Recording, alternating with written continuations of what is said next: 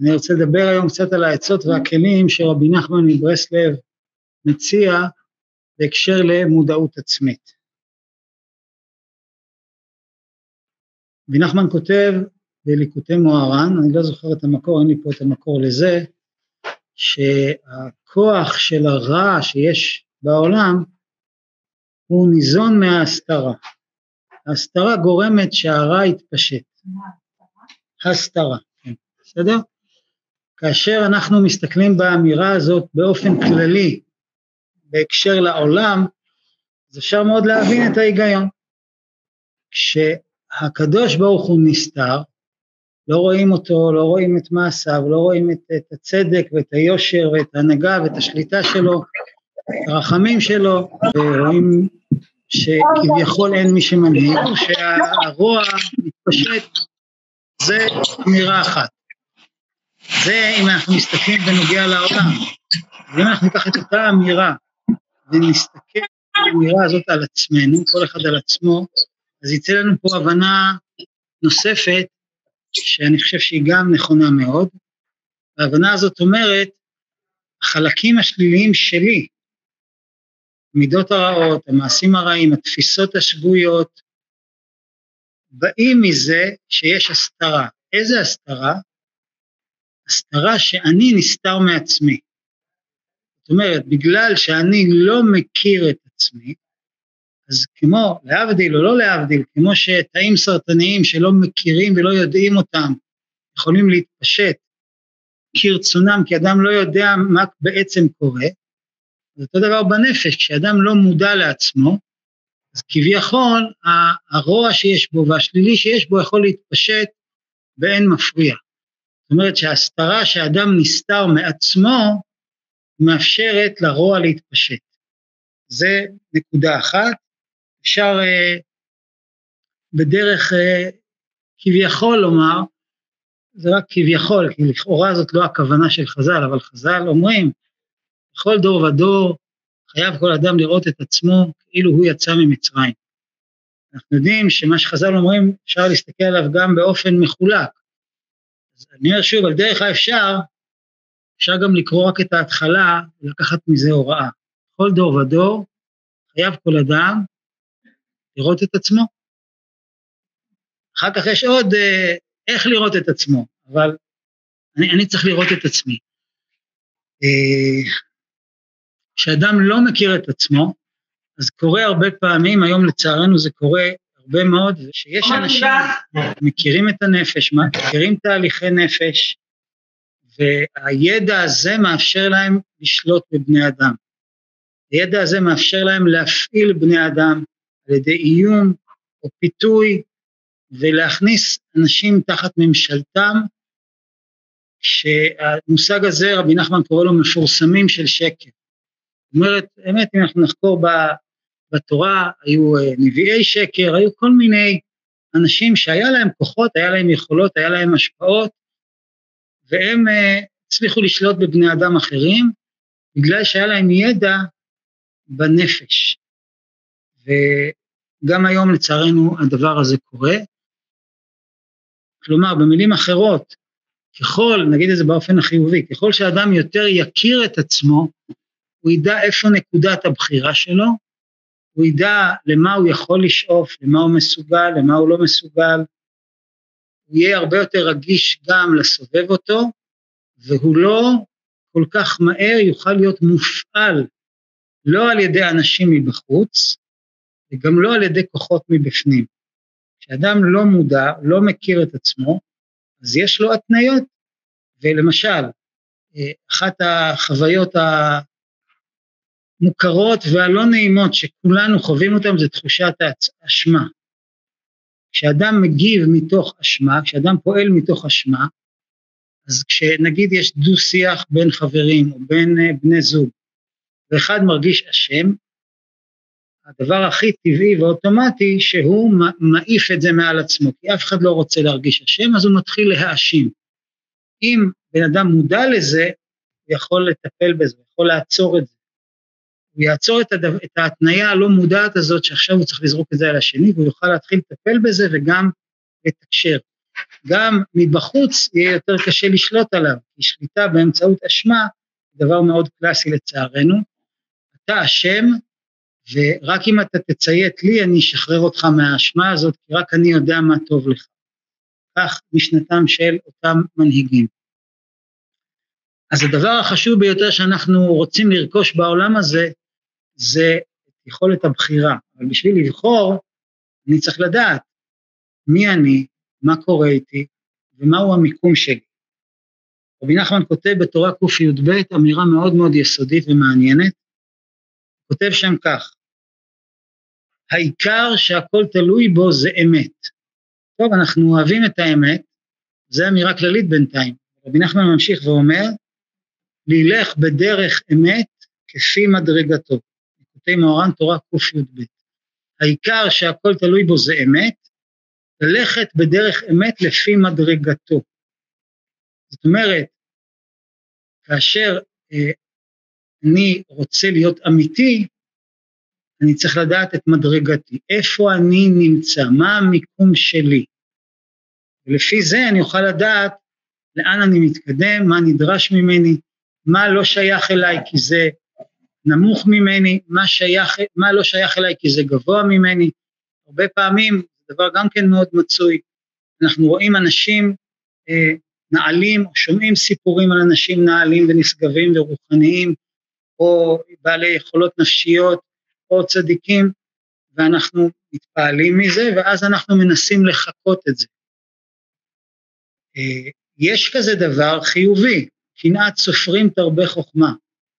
אני רואה משהו שיש אצל מישהו אחר, אני אומר, אה, אני גם רוצה. ואני מחכה את זה, ולמדתי אה, משהו שאני יכול להתקדם בו. זה נכון כשאני מזהה משהו ששייך אליי, אבל אם אני מזהה משהו שלא שייך אליי, זה לא המדרגה שלי, זה לא המקום שלי, ואני מתחיל לחכות את זה, אני מתרחק מהמקום שלי. רבי נחמן אומר, התוצאה הנפשית של הדבר הזה זה עצבות. יש לנו כבר תמרור אחד שכולנו גם מכירים אותו, לא תמיד יודעים שזה עצבות. רבי נחמן מסתמך על פסוק במשלי, בכל עצב יהיה מותר. במילים אחרות, בכל עצב יהיה מותר. מותר מלשון מותרות. אם אתה עושה דבר מיותר, מיותר זה דבר מאוד סובייקטיבי, מיותר לך, לא מתאים לך, לא שייך לך, כמו לאכול יותר מדי, לדבר יותר מדי, או גם להגיד תהילים יותר מדי, או גם אה, כל דבר, לא משנה, יותר מדי ממה שמתאים לי, התוצאה תהיה עצבות. כבר הרווחנו שעצבות זה לא סתם איזו חוויה נפשית, אלא תמרור לבדוק איפה חרגתי מהמקום שלי. גם פחד, אגב, זה אחד מהסממנים על חריגה מהמקום שלי. אחד הדברים שהם יסודיים בפחד, זה המצב שבו אדם נמצא במצב או במקום שהוא לא ברור, הוא לא יודע, נגיד אם היינו עכשיו מחשיכים את המקום, בן אדם היה נכנס, רגע, זה, זה חדר, זה, זה, יש פה בור, אני יכול ליפול, מי נמצא מולי? הלא נודע, אני מגיע לאזור לא מוכר, אז זה יכול, אחד הדברים שיכולים לגרום לי פחד. זה קצת על התמרורים. אז יש חשיבות גדולה להכיר את המקום שלי. פחד זה גם חריגה מהמקום שלי. ילד שמנסה לשחק אותה מבוגר, הוא נכנס לפחדים. באמת הוא לא. ואין לו שליטה במצב, כי הוא עדיין לא בר דעת לשלוט במצב. אחת התוצאות של הדבר הזה זה פחד. עכשיו נסתכל על זה הפוך. אם נכנסתי לפחד, יכול להיות שאני נמצא במדרגה שהיא לא שלי, ואז המקום הזה לא מוכר לי, אני לא מרגיש בו נוח, כי זה לא אני.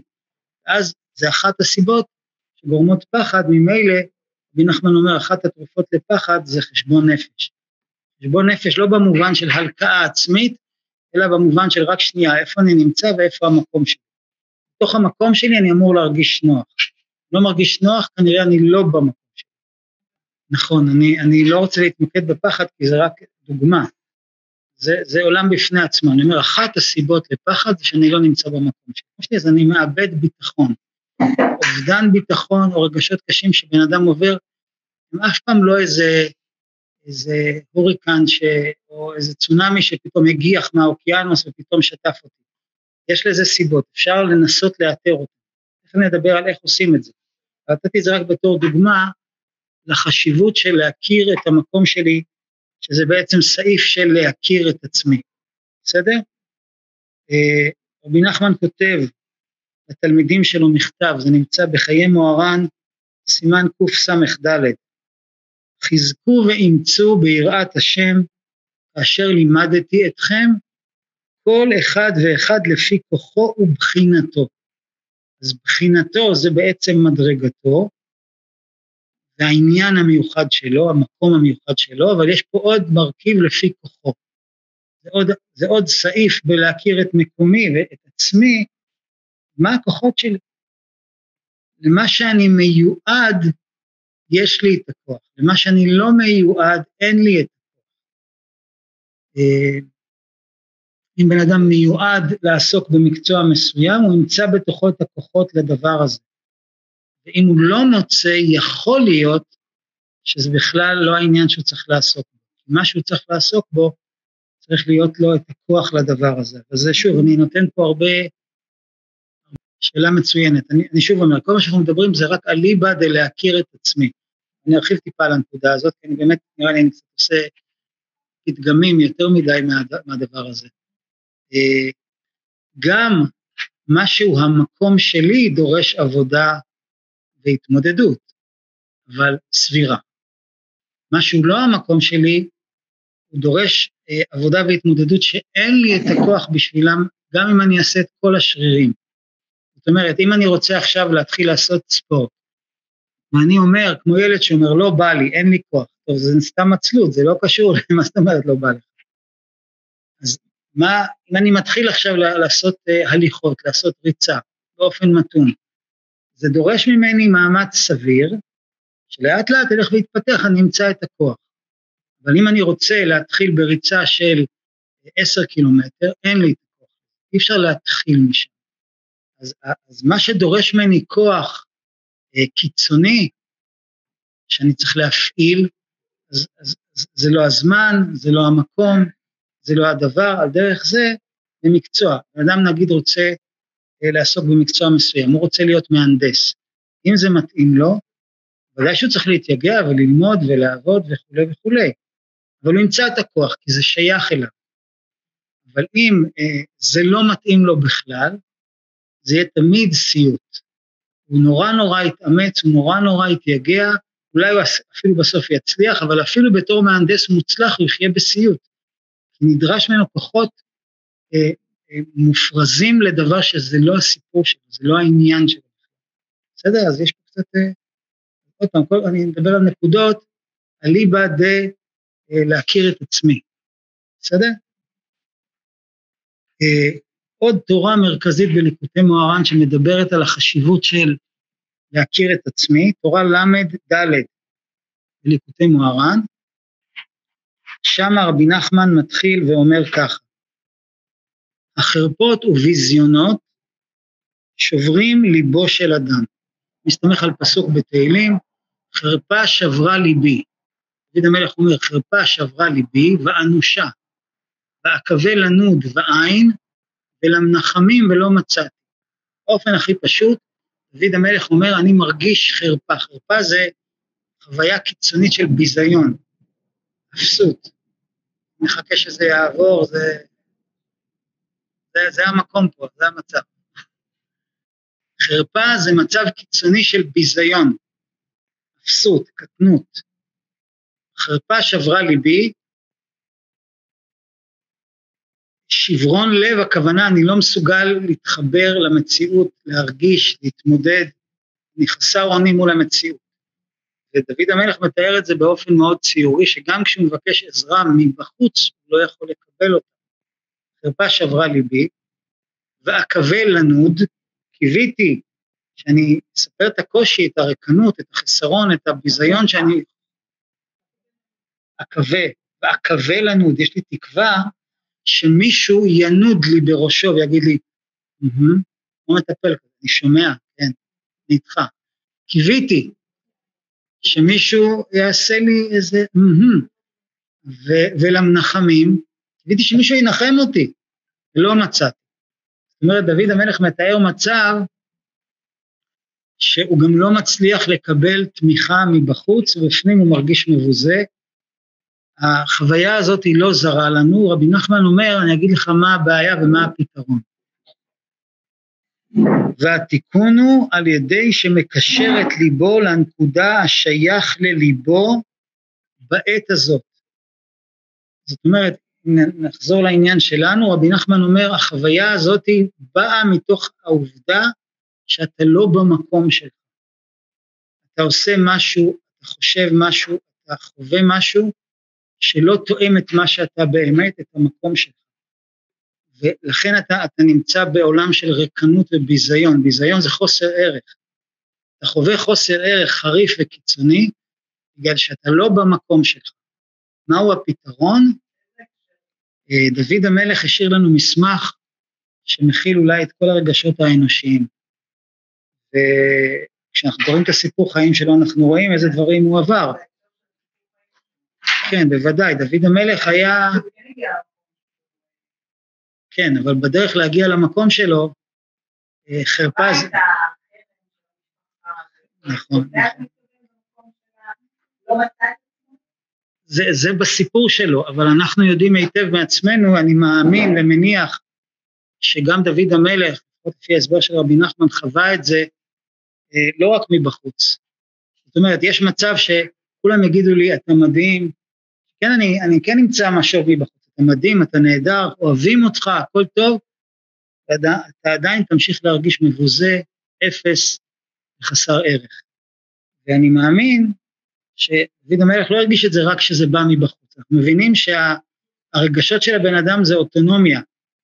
זה רק אשליה לחשוב שזה רק מבחוץ. הבחוץ מהדהד פנימה, אבל זה, זה דבר עצמאי שיש לו שורשים בעבר, יש לו, יש לו, בכלל זה, זה דבר עצמאי לגמרי. אז רבי נחמן אומר, ההרגשה הזאת, כשאנחנו פוגשים אותה, היא בגלל שאני לא במקום שלי, ואני אתן דוגמה, יש לזה, גם פה יש בזה, יש בזה דרגות. אמרנו קודם שללכת בדרך אמת לפי מדרגתו. אז, ואמרנו בכל עצב יהיה מותר. נגיד ניקח את המושג של דיבור, בסדר? אה, חז"ל אומרים, כשם שמצווה לומר דבר הנשמע, כך מצווה שלא לומר דבר שאינו נשמע. זאת אומרת, בשיחה בין בני אדם, בשיעור, בשיחה, בשיחה זוגית, בשיחה הורית, יש מצב שמי שנמצא מולי יכול, סלש מסוגל, סלש רוצה לשמוע אותי, ויש מצב שלא, יכול, רוצה, לא מסוגל לשמוע אותי. חז"ל נותנים לנו הנחיה, כשם שמצווה לומר דבר הנשמע, אתה הדובר צריך תמיד לחשבן, להרגיש את השומע, האם הוא מסוגל או רוצה לשמוע, ואז זה מצווה להשמיע, שוב אני אומר, זאת אומרת גם בשיחה זוגית, לא דווקא בשיעור. כך גם מצווה שלא לומר דבר שאינו נשמע.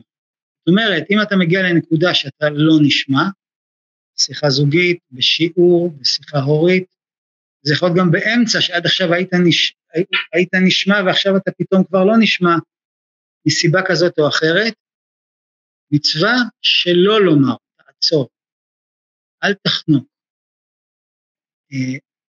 שים לב מי מולך, מה הוא מסוגל ויכול לשמוע.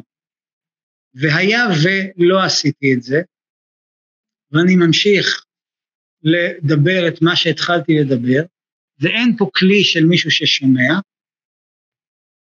החוויה שלו בוודאי קשה, אבל החוויה שלי היא שאני עכשיו נמצא במותר, מה שאני עושה הוא מיותר, אין לו ערך, אין לו אפקט אמיתי.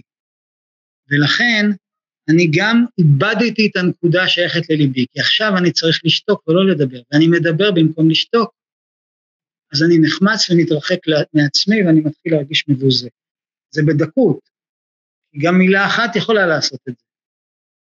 וכל שכן אחד שהוא כל הזמן מדבר בפני מי שלא רוצה לשמוע אותו, ואז הוא כל הזמן חמוץ וכל הזמן מבוזה. אני לקחתי רק דוגמה, זה יכול להיות בכל דבר אחר, באוכל או בכל פעולה שהיא לא תואמת את מה שאני.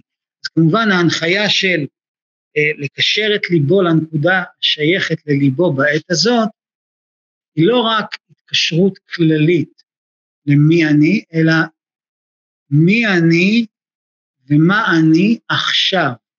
כמו שאמרנו נגיד בשיחה, עכשיו אפשר לדבר או אי אפשר. צריך לשתוק, עת, לדבר או עת אה, לחשות. אז רבי נחמן אומר, כשאתה עובד עם הלב ובוחן איפה אתה נמצא, מה אתה יכול ומה אתה רוצה, אתה מתרחק מתחושת הביזיון ומתחיל לחוות תחושת ערך עצמי. שזה בכלל, אפשר לומר במילים אחרות, אה, שיטה סדורה לביטחון עצמי, שהיא לא באה על ידי אה, שינוי התנהגותי, שגם זה עצה, אבל רבי נחמן אומר, תהיה קשור לעצמך ותעשה את מה שתואם לזה, תרגיש את הביטחון העצמי. אז גם פה יש לנו הנחיה שחוזרת לזה, הכל תלוי בכמה אני מכיר את עצמי. אה, ולהכיר את עצמי במידה רבה זה להכיר את הרגשות שלי, את החוויות שלי וללמוד אה, לתמלל את זה. למשל, אה, הורים, יש להם ילדים. זה חשוב שאני אדע, אם אני רוצה לחנך את הילד, או להתמודד איתו, יותר בסיסי, או לא לפגוע בו, יותר בסיסי, או לא להיפגע בו, שזה באותו מקום. חשוב מאוד לדעת מה אני מרגיש. אני מפחד ממנו, אני שונא אותו, אני אוהב אותו, אני מאוכזב ממנו. אם אני לא יודע את זה, אז, ובפרט אם אני עכשיו לא יודע מה אני מרגיש, עכשיו אני מתיימר לחנך. אז שוב, אז, אז אני לא פוגש אותו. אם אני לא פוגש אותו, אז בוודאי אני שוב פעם נהיה חמוץ, כי אני לא במקום שלי. ככה זה בזוגיות, וככה זה בעבודה, וככה זה בכל דבר. אני עובד. אה, הרבה אנשים נמצאים במצב שיש להם קשיים מאוד גדולים בזוגיות, וחלק מהפתרון, לפעמים המודע, לפעמים הלא מודע, זה שעות עבודה נוספות, חוגים נוספים, חוץ נוסף, פחות בית. אז יכול להיות שבן אדם לא מודע לזה, והיום אה, זכיתי לשמוע מפיו של גבר שאמר שהוא מודע לזה שכשהוא אומר לאשתו, אה, איך את באה אליי בטענות, אני עובד כל כך קשה, הוא מודע לזה שזה שטות. יפה.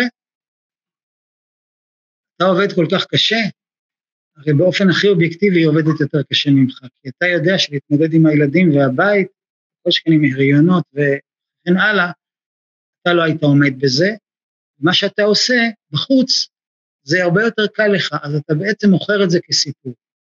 סיפור כיסוי ללמה קשה לך לתקשר, לדוגמה. ברגע שבן אדם מודע לזה, הוא עשה דרך, אז הוא יכול להתחיל לתקשר. ברגע שהוא לא מודע לזה שעכשיו הוא עסוק בבריחה, והוא נותן לזה כל מיני כותרות, אז אין, אין הרבה סיכוי לתקשורת כנה, כי עכשיו הוא עסוק באיזה משהו שמגן עליו מאשמה. לא תהיה שם תקשורת, הוא עסוק בהתגוננות, הוא עסוק בהאשמה כנגד אשמה, אז הוא לוקח, מגייס לעזרתו כל מיני פתגמים כמו אה, אני עובד מאוד קשה, כל מיני דברים מהסוג הזה. אנחנו ניתן כל מיני דוגמאות, חשיבות של המודעות העצמית. בנגיעות במה שרבי נחמן מלמד. רבי נחמן יש לו שתי עצות מרכזיות, והעצות המרכזיות האלה הן נוגעות, גם אה, מבוססות על מודעות עצמית, והן גם מפתחות את המודעות העצמית. עצה אחת, להיות ששמעתם, יש לכם איזושהי היכרות עם הדבר הזה באופן כזה או אחר, עצה אחת, התבודדות. התבודדות. התבודדות פירושה, רבי נחמן מנחה, נותן עצה, עצה מעשית ופשוטה לכאורה, כל יום להקדיש זמן, איכות, לשבת עם עצמך, להתנתק מהסביבה, מהגירויים, מהעשייה, מכל הדברים שאתה עסוק בהם מול העולם,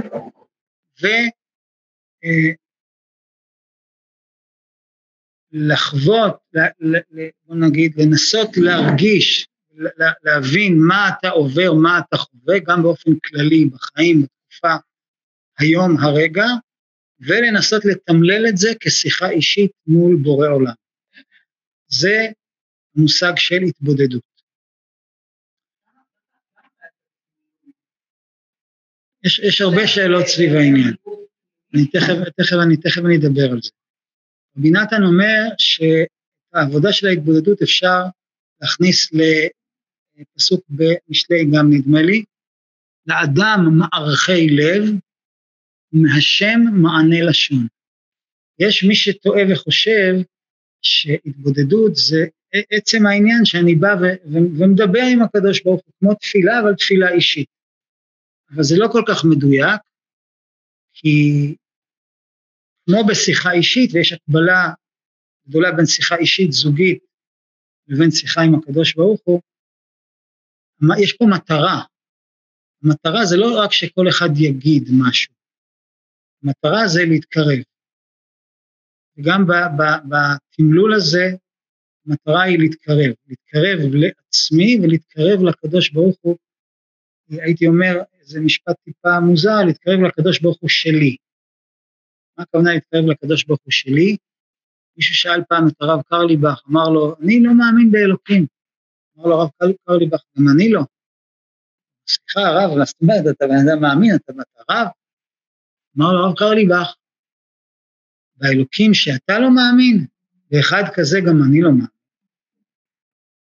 אז, אז יש, אה, יש כל מיני תפיסות איך בן אדם תופס את בורא עולם. וכשאנחנו מדברים על התבודדות, אנחנו רוצים להיפגש עם בורא עולם אה, קרוב, אוהב, אה, מכיל, מקשיב, לא שופט, לא משטרה צבאית.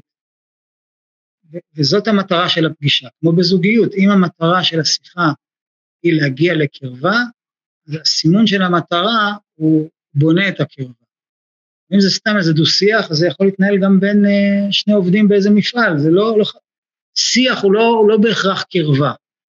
אבל פה השיח, המטרה שלו היא קרבה, וזו אחת הסיבות שזה יכול דווקא בשיח. מה שאדם מגלה במילים, יש לזה כמה השלכות. אחד, זה נהיה הרבה יותר ממשי, גם לעצמו. למשל, אם אדם uh, מרגיש שנאה כלפי מישהו, אז אפילו שהוא מודע לזה, אז זה מקבל משקל אחר כשהוא אומר, אני שונא אותו. זה, מקבל משקל. וכשאדם בתוך השיחה שלו מתמלל את מה שהוא מרגיש, יש כל מיני דברים מאוד מעניינים שקורים דווקא כשהוא מתמלל את זה. כמו אגב, בתורה, כשאנחנו לומדים תורה, אז יש עניין קצת מוזר. תורה, ללמוד תורה זה לא לקרוא מספר רעיונות, כמו שיושבים עכשיו בספרייה של האוניברסיטה. זה להגיד את זה, זה נורא מוזר, צריך להגיד את זה, להקריא, אפילו כשאני לבד, להקריא לעצמי את הדברים. להפוך מחשבה לדיבור, גם הזוהר מדבר על זה וגם הרבה גדולי עולם מדברים על זה, גם רבי נחמן מדבר על זה, נותן לזה תוקף. זה, זה, זה, זה דבר אחד להעמיד את זה מול העיניים, ויש פה, זה מהדהד, וזה גם נותן לזה ממשות בעולם, בעולם הרוחני זה שונה. אפשר לתת, איך? אז רגע, תכף, תכף, יש, יש פה הרבה שאלות, אני רק מנסה למקד את זה על נושא מסוים. אה, זה, שוב אני אומר, כמו בשיחה זוגית, אם לא, כל אחד יש לו רגשות, וכל אחד יכול להגיד, מה, אתה לא יודע? מה, לא, אני לא יודע. אנחנו לא אמורים לנחש. צריך לדבר וצריך לתמלל את הרגשות, וזה מה שיוצר את הקשר. אה, והקדמנו טיפה את המאוחר. התבודדות אה, מבוססת על מודעות עצמית. בגלל שביום יום שלנו אנחנו על פי רוב אה, מתפקדים, ממלאים, מגלמים כל מיני תפקידים, פותרים כל מיני בעיות, שורדים מול כל מיני דברים, מתמודדים. בשביל זה לא נדרש מודעות עצמית. בשביל לנהוג ברכב לא נדרש מודעות עצמית, נדרש לדעת לנהוג ברכב, בסדר? בשביל uh, להכין אוכל לא נדרשת מודעות עצמית, בשביל ללכת לעבוד, כן, העבודה של הבן אדם קשורה לנושא. Uh, אפילו במישור דתי, בן אדם דתי, שהוא מקיים את המצוות, יכול בהחלט לקיים אותם באופן חיצוני, טכני, ענייני, וזה לא, זה לא, זה כאילו, זה, הוא עושה את מה שצריך לעשות, אפילו אם הוא אומר תהילים, אפילו אם הוא מתפלל, הוא עושה פעולות. זה לא אומר שהוא יודע מה הוא מרגיש, זה לא אומר שהוא קשור לעצמו. בא רבי נחמן ואומר, תפנה כל יום זמן לעצמך, ו- וקודם כל תהיה עם עצמך. אתה לא צריך למלא ולגלם שום תפקיד. בגלל שאנחנו כל כך רגילים לתפקוד ולעשייה ואינטנסיבי, והרבה פעמים יותר מדי אינטנסיבי וכבר שוחק, אז הסיטואציה הזאת שרבי נחמן אומר, שב עם עצמך, היא מאיימת עלינו, כי זה, זה זר לנו. אפילו יותר קל אם יגידו לי, תעשה מדיטציה, תתרכז באיזה פסוק, תתרכז באיזה מילה, תעשה, תדמיין אור לבן, לא משנה מה. אה, אם מכוונים אותי, זה מוריד לי את המודעות העצמית. אני עכשיו מופעל, אני לא חווה את עצמי באופן אה, חופשי. אז רבי נחמן אומר, תייחד זמן להיכרות עם עצמך. אה, והזמן הזה הוא זמן איכות, שבו אתה מתחיל להכיר את עצמך, זה שלב ראשון. אה, והדבר השני, שזה חידוש של רבי נחמן לגבי כל מיני שיטות ודרכים למודעות עצמית ולהתפתחות עצמית, שהוא אומר, כמו שאמרנו, יש פה חידוש, תתמלל את זה. עכשיו, לא סתם תתמלל את זה כמין uh, תרגול בדיבור, תתמלל את זה כשאתה מדמיין את בורא עולם נוכח מולך. תתמלל את זה כתקשורת עם הדבר הכי עליון ונשגב שאתה יכול לדמיין. שזה יוצר אפקט אחר לגמרי, מה גם שאנחנו מאמינים, וכשמתרגלים את זה כבר לא צריך רק להאמין, גם חווים את זה ורואים את זה, שאתה באמת מדבר איתו והוא גם עונה בכל מיני דרכים, זה סוגריים. זה לא רק איזו שיטה פסיכולוגית לשחרר או להכיר רגשות, זה באמת סוג של תקשורת גבוהה ועליונה שמכילה כל מיני רבדים. אנחנו מדברים על הרובד הבסיסי שלה. לאדם מערכי לב. אני, אני רוצה להכיר את עצמי ולתמלל את זה. אה, זה יכול להיות כל דבר, זה יכול להיות שתיקה, זה יכול להיות התבוננות בגוף, התבוננות ברגשות, אה, מחשבות שעוברות, דברים שעברתי, דברים שאני רוצה, זה בהחלט נותן מקום לשיטוט חופשי, שבהם המחשבות, הרגשות והחוויות הגופניות, כולן לגיטימיות. ואני רק מתבונן בזה. שנייה. אני רק מתבונן בזה. אה, אפשר לקחת מילת קוד שמדברת על, על, על התרגול הזה, חשמל. למה שאנחנו קוראים היום חשמל, אלקטריסיטי, זה, המילה חשמל היא לא קשורה לזה, המילה חשמל מופיעה בתנ"ך, במעשה מרכבה בספר יחזקאל, כחזון וחוויה רוחנית, שבה יחזקאל הנביא רואה איזשהו משהו, שחלק ממה שהוא רואה זה נקרא חשמל. הגמרא אומרת, חשמל זה חיות אש ממללות. זה כוח רוחני שקיים בעולם, אנחנו עכשיו לא לומדים קבלה, אז אין עניין להתעסק בזה בהקשר הכללי והרוחני שבעולם. אנחנו ניקח את זה כדרכו של הבעל שם טוב, כדרכו של רבי נחמן, לתוך עצמנו, שכל מה שקיים אה, בגדול קיים גם בקטן אצל האדם. אה, קהלת אומר, עת לחשות ועת לדבר. הנה יש לנו מילה שמורכבת משני הצדדים, חש, מל, עת לחשות, עת למלל, שתיקה, דיבור. יש פה איזושהי אה, עבודה. מהי העבודה? שתיקה. מתוך השתיקה יש התבוננות, כי חש זה לא רק חיש, זה לא, זה לא, לא רק אה, אה, לחשות ולשתוק, אלא גם לחוש. אני שותק וחש. כשאני שותק וחש, עולים כל מיני דברים על הפרק, אחד מהדברים האלה לפחות הוא נקודה שייכת לליבי בעת הזאת. כלומר, מתוך הזרם של התודעה, המחשבות, הזיכרונות, החוויות, הרגשות הגופניים, הנפשיים, כל מיני דברים שעולים, זה יכול להיות בדקה הראשונה וזה יכול להיות אחרי שעה, זה יכול להיות בכל מיני צורות, אבל משהו עולה, בוא נקרא לזה, אם יש זרימה על המסך של אינפורמציה, משהו תופס לי את הלב, או.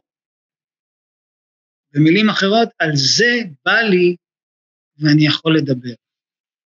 זה, על זה אני רוצה לדבר. כי זה כנראה משהו שעכשיו הוא נמצא על הפרק, ואני לא ידעתי קודם שזה נמצא על הפרק, זה יכול להיות שונה ממה שהעליתי בדעתי, שהוא הנושא. זיכרון ישן, איזו מחשבה, משהו שמפריע לי, איזה חלום, איזה רצון, איזו התרגשות, אה, מצב גופני שלא הייתי מודע אליו, או שכן הייתי מודע אליו, משהו שעכשיו בנקל לי לתמלל אותו. אז מה שבנקל לי לתמלל אותו זה הדבר על הפרק, משם אני נכנס לשיח. זה יכול להיות קצר, זה יכול להיות ארוך, זה יכול לעבור מנושא לנושא, זה יכול להיקטע בבת אחת ושוב לחזור לשתיקה. אבל התמלול הוא תמלול של מה שאני חש. זה יכול לעבור גם למה שאני חושב, למה שאני מאמין, למה שאני רוצה, שזה רבדים אחרים. אחד הדברים החשובים שרבי נחמן לימד זה לעשות הפרדה, לדעת שיש הפרדה בין מה שאני חש וחווה, בין הרגשות שלי, לבין המציאות, לבין מה שאני מאמין. זה שלושה רבדים שונים, רבי נחמן אומר, יש תועלת רבה בהפרדה בין הרבדים האלה. אה, חוויה, תחושה, רגש, זה אחד. שתיים, המציאות. שלוש, במה אני מאמין. למשל, לא יודע אם מי מכן אה, חוותה התקף חרדה, חוויה מאוד לא סימפטית. אה, החוויה בכל מיני רמות שלא נכיר ולא נחווה, זה בעתה. אתה יכול להזיע, אתה יכול לרעוד, המוח שלך משותק, אתה מרגיש שהולכים להרוג אותך, אתה יכול ללכת באמצע היום, השמש זורחת, הציפורים מצייצות ואתה מרגיש שתהום נפערת מתחתיך ואתה נופל לתוכה. זה מה שאני מרגיש. האם זאת המציאות? לא. זה מה שאני מרגיש. חשוב להפריד. ובהפרדה אני לא מכחיש את מה שאני מרגיש, אלא נותן לזה לגיטימציה, אבל אני שם את זה במקום. כי אם בן אדם אה, חושב או מאמין שמה שהוא מרגיש זה המציאות, הוא מתחיל להסתבך. הוא כבר נכנס לעולם של דמיון. יש מציאות. אם ילד אומר, אני מפחד ש, שמפלצת תאכל אותי, הוא באמת מפחד. זה לא, זה לא, לא, לא יהיה נכון להכחיש את זה. וזה גם לא יהיה נכון בהכרח לאמת אותו עם המציאות שאין מפלצות והכל בסדר, כי אני מכחיש את, את מה שהוא מרגיש.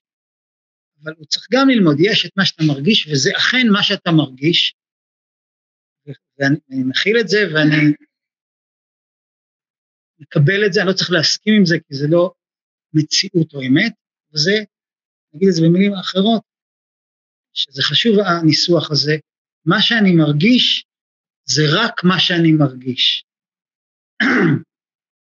בין בני זוג, יכול להיות רגעים של שנאה, שזה רגש מאוד מאוד קשה.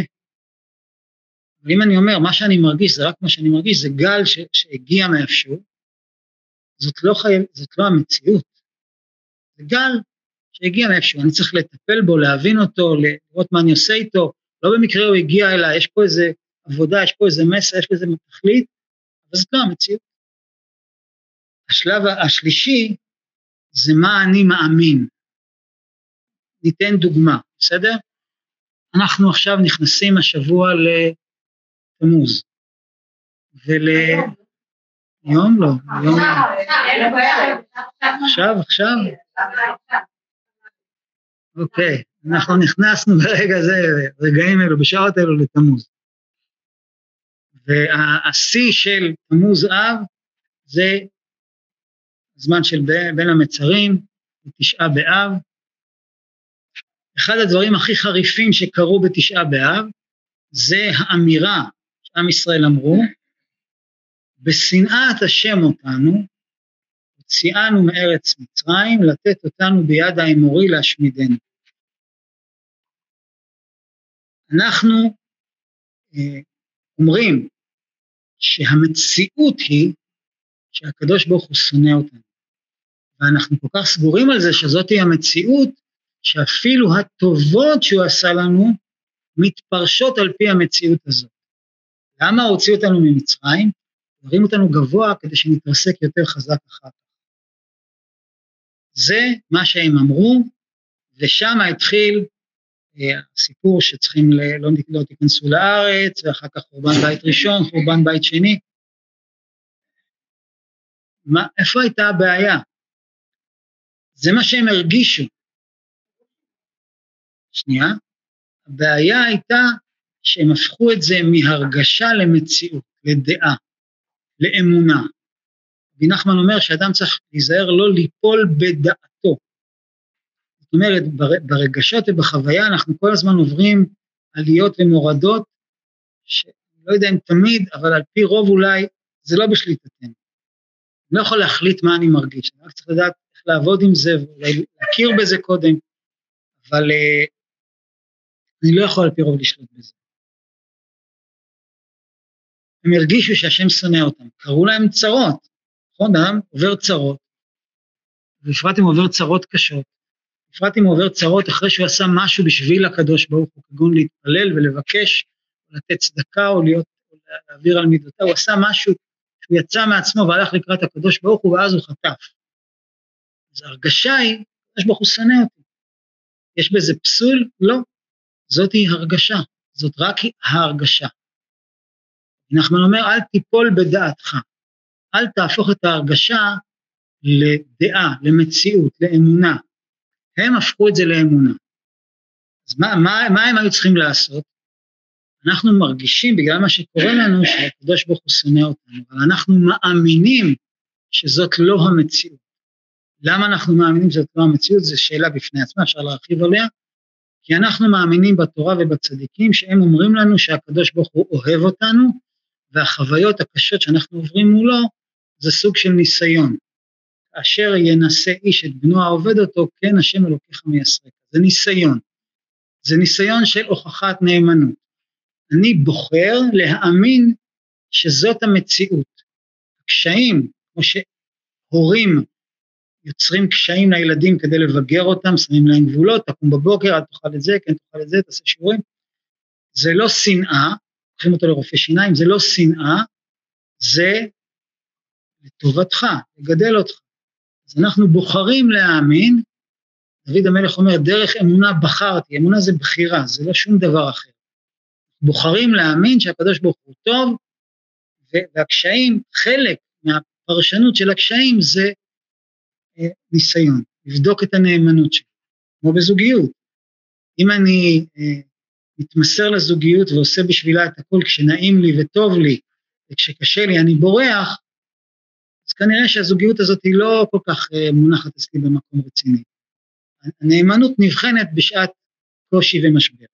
אם הם היו אומרים, אנחנו מרגישים שהשם שונא אותנו ואנחנו מאמינים כי בחרנו להאמין שהוא לא שונא אותנו, לא הייתה בעיה שהם גם יגידו את זה, זה מה שאנחנו מרגישים. אבל הם נפלו בדעתם, הם אמרו, זו המציאות. כמו מי שעכשיו חווה התקף חרדה ואומר, אני באמת הולך למות, אני באמת בסכנת חיים ואני הולך להתנהג ככה ואולי אני גם יוצא אקדח ויירה במישהו שנראה לי שרוצה לפגוע בי. אז להפוך את החוויות ואת הרגשות למציאות זה בעיה. אותו דבר, אני חוזר לדוגמה של זוגיות. אם בן אדם אה, מחליט שהוא שונא את הבן זוג שלו, הזוגיות נגמרה. אם הוא אומר, זה לא רק מה שאני מרגיש, זה באמת, זה ככה, והוא ראוי לזה, וזה המצב וזה לא הולך להשתנות, הוא מקבע את זה כתפיסה. אז זה היה רק הקדמה לעניין, שיש חשיבות להפריד בין הרגשות לבין מה שאני מאמין לבין המציאות. עכשיו באמת אנחנו לא יודעים מה המציאות, ואין לנו שום דרך לבחון את המציאות. בכל מישוריה, אפילו המציאות הפשוטה, האם, האם המציאות היא, האם החומר הוא אה, גל או שהוא חומר? אין לנו דרך לבחון את זה. אנחנו מאמינים לצדיקים שמספרים לנו מה המציאות, כי אנחנו סומכים עליהם, וזה זה, זה הבחירה שלנו. אנחנו מאמינים לקול הפנימי שאומר שחייבת להיות משמעות חיובית לחיים. אבל אנחנו מרגישים הרגשה אחרת. השלב הראשון במודעות עצמית זה לדעת שאין לי מה להיבהל מזה שאני מרגיש כל מה שאני מרגיש, כולל שנאה, טינה, כפירות, ריקנות, תאוות. זה מה שאני מרגיש. מהי המציאות? שאני מרגיש את זה, וזה איזשהו אה, כוח שמתגלה בתוכי, יש לו גם שימוש חיובי, הוא לאו דווקא שלילי. אני לא רוצה לפרש את זה שאני בן אדם רע, בן אדם שכועס. האם זה אומר שהוא בן אדם רע? לא. השורש של הכעס זה הרצון לצדק, לא דבר רע. אם האדם לא כועס על שום דבר ועל אף אחד, והוא אדיש לכל, אז יכול להיות שגם גורם נזק בדבר הזה שלא, בסדר, בזרימה. שנייה, נעשה פה עוול. מישהו דיבר לא כראוי, מישהו גנב, מישהו שיקר, מישהו פגע. אני לא אכפת לי מכלום. ודאי שלהיות משולל רגש של צדק זה לא דבר טוב. יש בכעס גרעין של אמת שצריך לברר אותו, אבל זה כאן קצת קופץ קדימה מה המציאות ומה עושים עם זה. אחת הסיבות שקשה לנו למצוא את עצמנו לבד מול עצמנו, בהתבודדות, זה המחשבה שיש לנו פה, שאומרת לנו, כדאי לך מאוד, מומלץ לך מאוד לא להכיר את עצמך.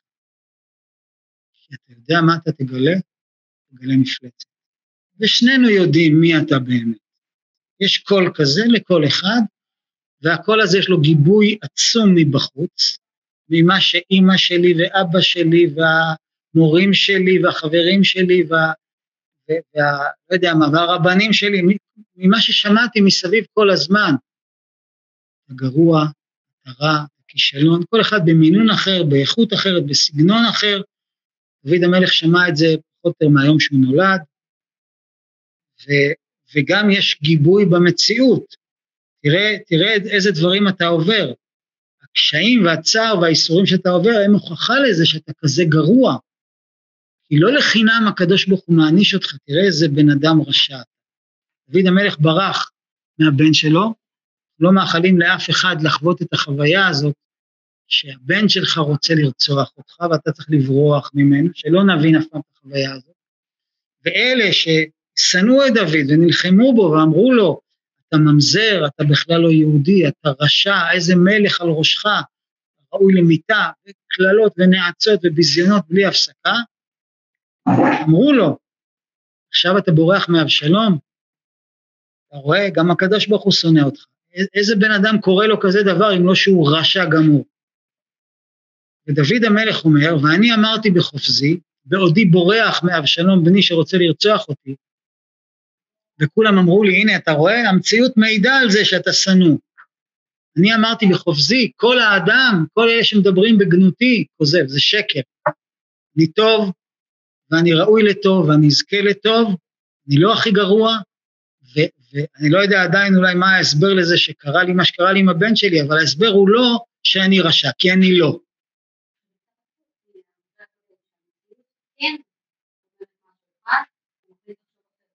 נכון. אז הכל זה עניין של פרשנות, והפרשנות היא בחירה חופשית של כל אחד מאיתנו.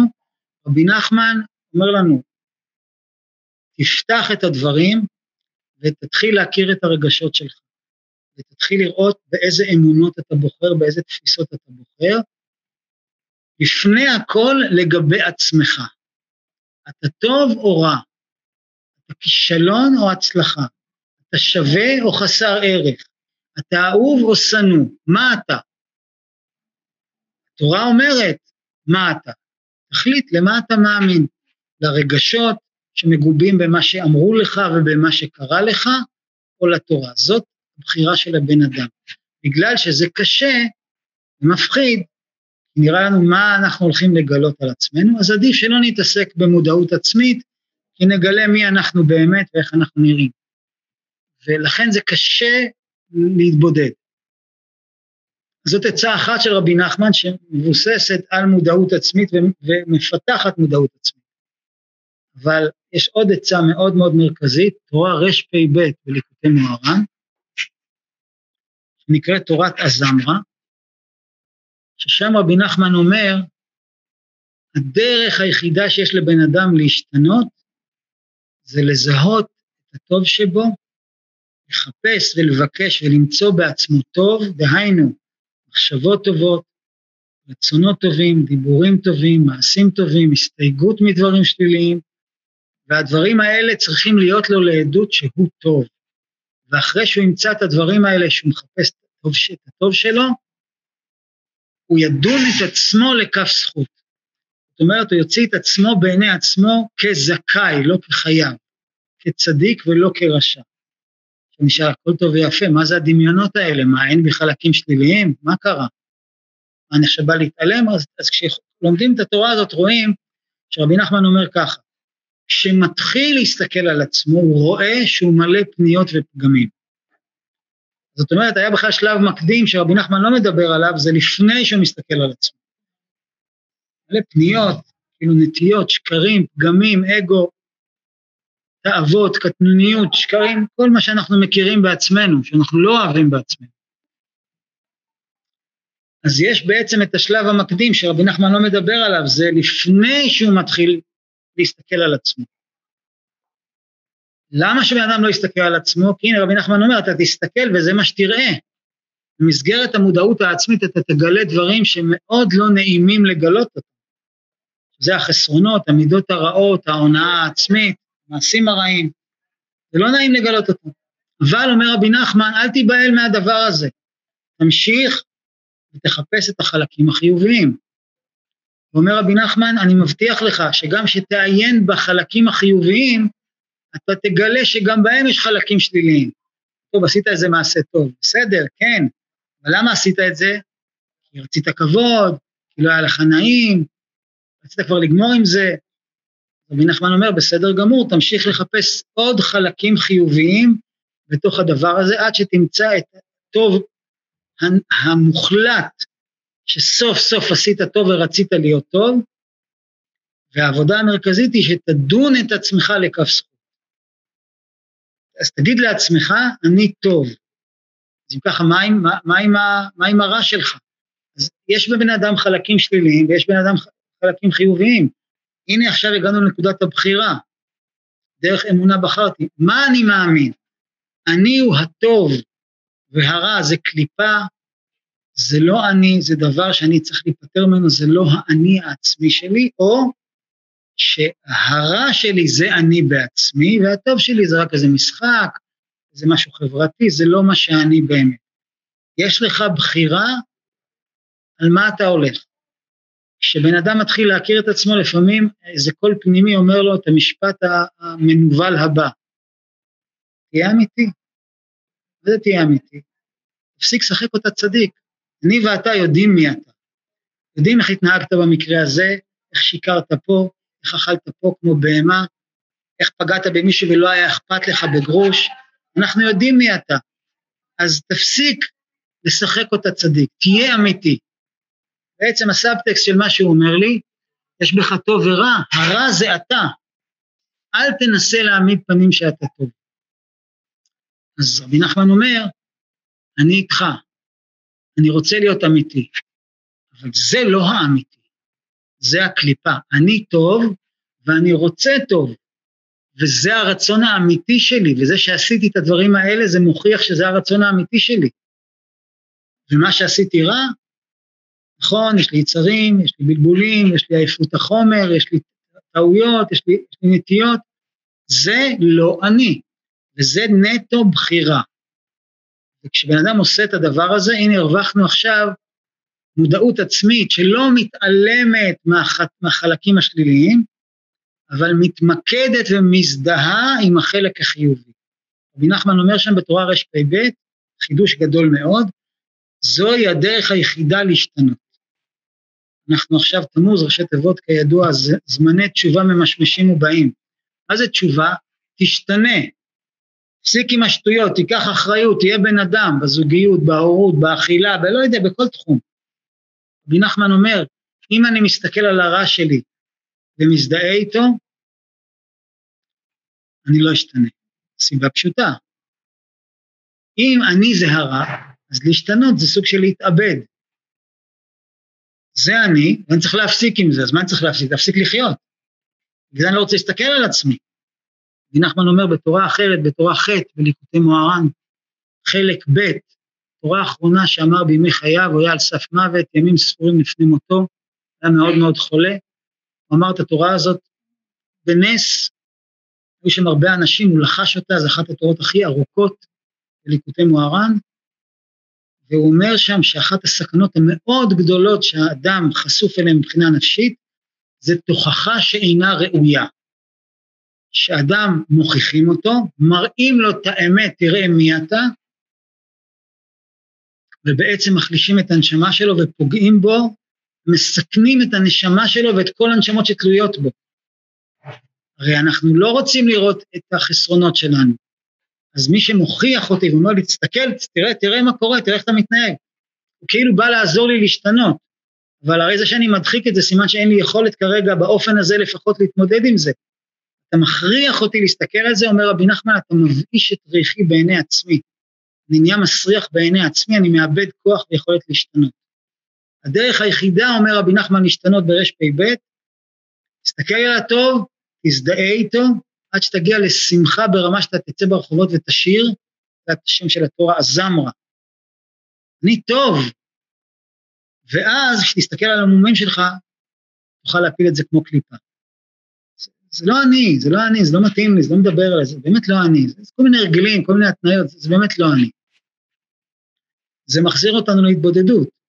אחרי שיש לנו את הזמרה, את הלימוד, זה עוד פעם, אני אומר את הדברים ממש ממש בקיצור נמרץ, כל דבר פה זה תורה שאפשר ללמוד אותה באריכות ובעמקות, גם התבודדות וגם הזמרה זה לימוד שלם, אבל בהקשר למודעות עצמית, כמו שהתבודדות, יש לה ערך מוסף של לתמלל את מה שאני מזהה בעצמי ורוצה וחולם וחושב ומאמין למילים, נותן לזה תוקף וכוח, אז אותו דבר בזמרה יש חידוש, שאני מחפש את המודעות העצמית החיובית, ולא, ולא את השלילית, אף על פי שאני לא מתעלם ממנה.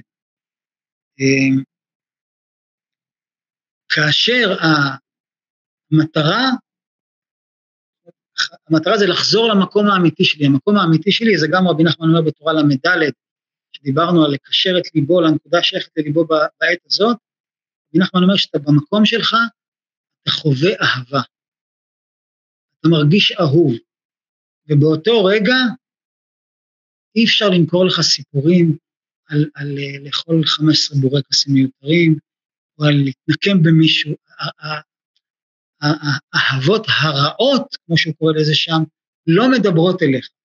אז כמובן, כל אחד מאיתנו יש לו מערכת ראשונית של התאפקות.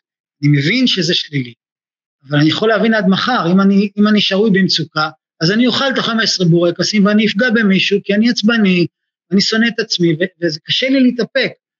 אמור לגייס התאפקות, אבל התאפקות זה, זה תחנה ראשונה של פתרון, זה לא הפתרון. נחמן אומר, הפתרון זה, אני, אני, אני מחפש את המקום שלי ומוצא אותו, טוב לי עם עצמי, באותם רגעים אני אהוב, אני לא צריך להשקיע מאמץ בלהתגבר על המידות הרעות והחסרונות, כי זה לא מעניין אותי, טוב לי, אני במקום שלי, כי אני טוב.